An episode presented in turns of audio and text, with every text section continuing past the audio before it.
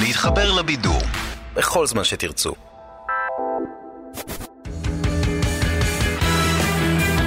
פעם בשבוע, עם תום אהרון, המונולוג המרכזי. הנושא המרכזי שלנו הערב הוא פינוי שדה דוב. קודם כל, כי זה ממש כיף לדמיין במשך כמה דקות שדה של דוב. תראו את זה, תראו, תראו כמה כיף לו. תסתכלו, תראו איך הוא משתגע פה. דוב בשדה, מי שמע כדבר? אתם ראיתם דבר כזה חמוד בחיים שלכם? תראו, תראו, תראו איך הוא נהנה. מה זה, איזה כיף חיים.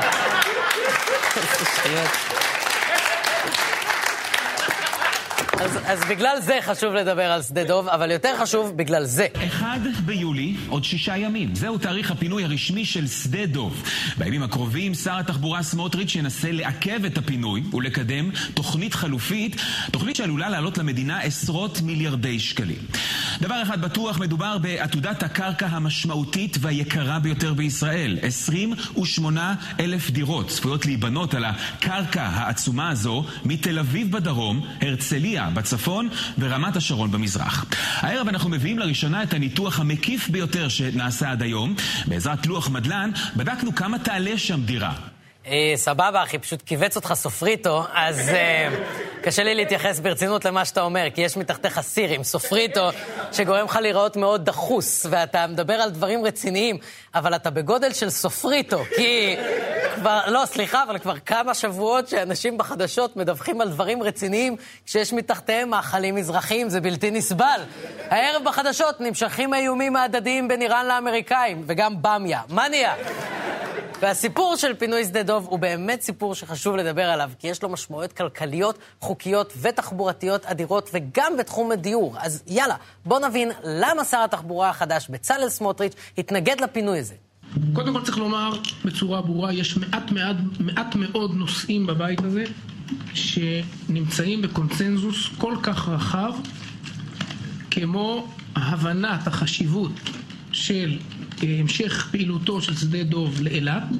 יש קונצנזוס מאוד רחב שמבין את החשיבות של הדבר הזה. נדמה לי שאם אנחנו נביא את החוק הזה, אז יהיו כאן, לא יודע, 120 או 110 חברי כנסת, אבל אני לא מכיר תקדימים מארבע שנים שאני פה, לפחות בבית הזה, לנושאים שעברו כאן בקונצנזוס כל כך רחב. אה, אה, יש את הקונצנזוס סביב זה שאסור למשוך למיקי זוהר באצבע. כן, אתה אורן חזן החדש, כן. כל בדיחות אורן חזן יהיו עכשיו עליך, תתמודד, יש לי חור בלב. בואו רגע, לפני שאנחנו מגיעים לקונצנזוס, נבין על מה המריבה, ואיך הגענו למצב שבו המדינה נדרשת לפנות את שדה דוב. שדה דוב קיים משנת 1938 בתור נמל תעופה קטן, בעיקר צבאי, שבתוכו מתקיימת גם פעילות אזרחית.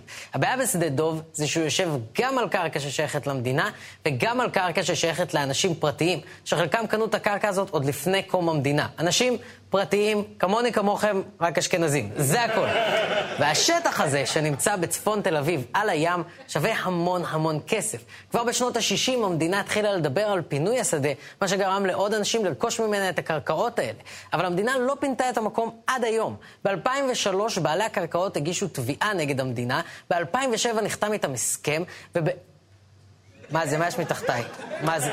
זה ג'חנון? זה סיר ג'חנון? אוקיי, סבבה. חפרתי, הבנתי. אבל מה שחשוב זה שאחרי שורה של הסכמים ודחיות, שר הביטחון הקודם, ליברמן, קבע שהפעילות הצבאית תופסק ב-1 ליולי 2019 תוך 48 שעות. מה שאומר שגם הפעילות האזרחית תפסיק באותו זמן. והנה אנחנו נמצאים כמה ימים לפני הראשון ליולי, כשהמדינה כבר הכשירה את נתב"ג להחליף את שדה דוב, כשמועד הפינוי הסופי תכף מגיע וכשאפשר סוף סוף לקדם בנייה של עשרות אלפי דירות באחד האזורים הכי מבוקשים במדינה. אז למה סמוטריץ' טוען שיש קונצנזוס נגד הפינוי? את המחאה נגד הסגירה החלו סוחרים ומלונאים באילת. היום הצטרפו למחאה גם ראש עיריית תל אביב וראש העיר אילת, שהודיע שהוא עוזב את הליכוד. אני מודיע שאני בזה הרגע מוסר את כרטיס החבר שלי כחבר תנועת הליכוד. אנחנו נמצאים בדקה ה-90. בעוד שבועיים השדה אמור להיסגר. זה מוריד את, ה... את כל בתי המלון מתחת לסף הכלכליות, מתחת לסף הרווחיות, לנזקים כבדים. אה, פיטורים של עובדים וכולי וכולי. המתנגדים לסגירה טוענים שהיא תנחית מכה קשה על אילת, אבל בעלי הקרקע מצידם דורשים את קיום החלטת בית המשפט כלשונה. השאלה היא לא למה צריך לפנות את שדה דוב, אלא השאלה היא למה לא פינו את שדה דוב עד היום. אוקיי, okay, מה שזהבה גלאון המופתעת אומרת פה... סליחה, עורך דין זהבה גלאון המופתעת, מה שהיא אומרת הוא נכון. המדינה לא יכולה להחזיק בקרקעות של אנשים פרטיים, לא לשלם, להתחייב בפניהם על פינוי, ואז להפר את ההתחייבויות שלה. זה כאילו המדינה אומרת לבעלי הקרקע, אה, אתם רוצים לבנות פה שכונה? הנה שכונה, עשינו לכם שכונה. זה לא עובד ככה. אבל גם המתנגדים לפינוי מעלים טיעונים מדאיגים. אולי באמת לא שווה לסגור שדה תעופה אם המשמעות היא פגיעה בתיירות באילת. רק שהבעיה היחידה עם הטיעון הזה היא שזה בדיוק מה שראש עיריית אילת עשה לפני שלושה חודשים. הוא סגר את שדה התעופה באילת לטובת שדה חדש, רחוק יותר, ופגע משמעותית בכמות הטיסות לאילת. האם אתה מצטער שסגרתם את שדה התעופה באילת לאור הנתונים המאכזבים של שדה התעופה רמון? אנחנו לא סגרנו את שדה התעופה באילת, פתחנו שדה תעופה צפונית אה, לעיר אילת. אני לא עובד. שהיא לא מתחרט. 30 אחוז ירידה בטיסות, במספר הנוחתים. דוב, אין ספק שהשדה החדש הוא שדה מאתגר. הוא, הוא שדה מאתגר? הוא שדה מאתגר? זה נמל תעופה, אתה מדבר על זה כאילו יש לו צרכים מיוחדים.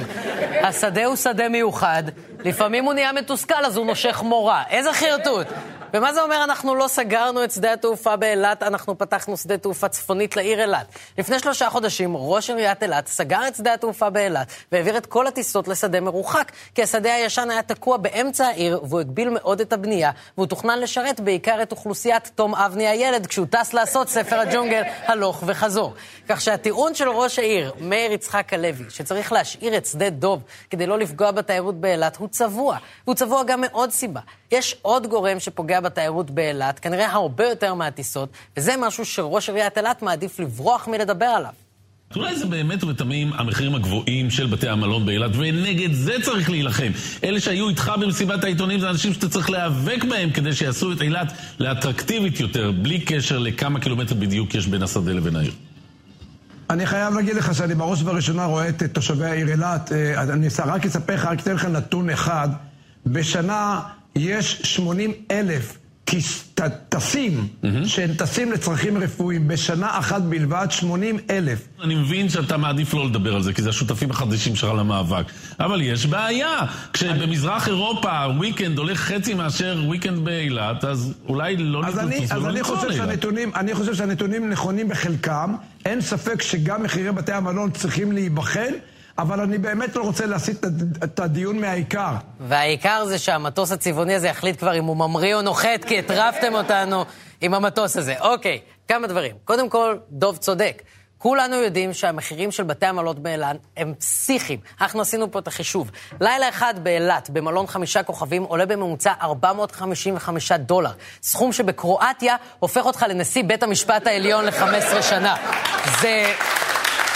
כל המידע נמצא אונליין. אז אני לגמרי מסכים עם דוב שיש פה אינטרס של בעלי המלונות, שהם השותפים של ראש העיר למאבק, ופשוט לא יכולים להתחרות במציאות החדשה, שבה חופשות בחו"ל הן כל כך זולות. ותזכרו, לדוב גלער יש את האינטרס הכי גדול שלא יפנו את שדה דוב, כי הוא... גר בתל אביב, וזה ממש קרוב לו, וזה מביא אותי לטיעון האחרון, וזה הטיעון שהכי קשה להתווכח איתו. כי כששמעתי את ראש העיר אומר שבכל שנה 80 אלף טסים מאילת לשדה דוב לצרכים רפואיים, זה גרם לי לשאול את עצמי, רגע, אולי יש פה נקודה שהיא יותר חשובה מהכל, כי עם כל הכבוד למיליארדים שייכנסו לקופת המדינה ולהתחייבויות של המדינה ולזכות הקניין של כמה אשכנזים בצפון תל אביב, יש פה 80 אלף חולים שכנראה צריכים את השדה הזה. אבל אז אחד התחקירנים שלי אמר שבאילת יש 67 אלף תושבים, ופה התחלתי לחשוד. כי חס וחלילה אין מחלוקת על זה שיש אנשים באילת שצריכים לצערנו לעבור טיפולים רפואיים שיש רק במרכז, ואפילו אין מחלוקת על זה שסגירת שדה דוב תקשה על החולים האלה לקבל טיפול. אבל אלה בעיות נקודתיות שהממשלה, ואפילו שר התחבורה סמוטריץ' שמתנגד לפינוי, כבר התחייבו שיש להם פתרונות שיקלו את ההגעה מנתב"ג, כולל סבסוד מלא של מוניות מהשדה לבית החולים. וכשראש עיריית אילת משתמש בחולים האלה, כמו שהוא עושה כבר כמה חודשים, כדי להגן על האינטרסים של בעלי המלונות ולמנוע דיון הוגן וענייני, זאת פשוט ציניות. אני לא זוכר מתי נתקלתי בציניות כזאת לאחרונה, ואני נשיא בית המשפט העליון בקרואטיה. וזה... וזה הכי קל להפוך את הסיפור של פינוי שדה דוב לנרטיב פשוט של טובים מול רעים. אבל צריך לזכור שכשכסף נכנס לקופת המדינה, הרבה ממנו הולך כדי לממן שירותי רפואה לחולים אחרים, שרשת מלונות פתאל וישרוטל לא יכולים לנצל בתקשורת. וגם לא קלאב הוטל לוטרקי יוון, שהם לא קשורים, אני פשוט אוהב להגיד לוטרקי. עכשיו, ועכשיו הכדור בידיים של ביבי. הוא חייב להחליט ממש בימים הקרובים מה לעשות. ואני יודע שהוא בטח צופה בנו עכשיו, וממנו בתור ראש הממשלה, אני מצפה שיבחן את שני הצדדים ויגיע למסקנה הנכונה. כי מסמוטריץ' ומחברי הכנסת, אני לא מצפה לכלום. הם לא צריכים להחליט פה, ולכן הם בחיים, אבל בחיים לא יקיימו דיון מורכב, כשהם יכולים לקיים דיון פופוליסטי ושטחי. זאת עובדה. איך אומר סמוטריץ'? יש מעט, מעט, מעט מאוד נושאים בבית הזה שנמצאים בקונצנזוס כל כך רחב. בדיוק. זהו, אנחנו סיימנו, תודה רבה לכם, לילה טוב. פעם בשבוע, עם תום אהרון, כל חמישי ב-10 בלילה, בכאן 11 בטלוויזיה.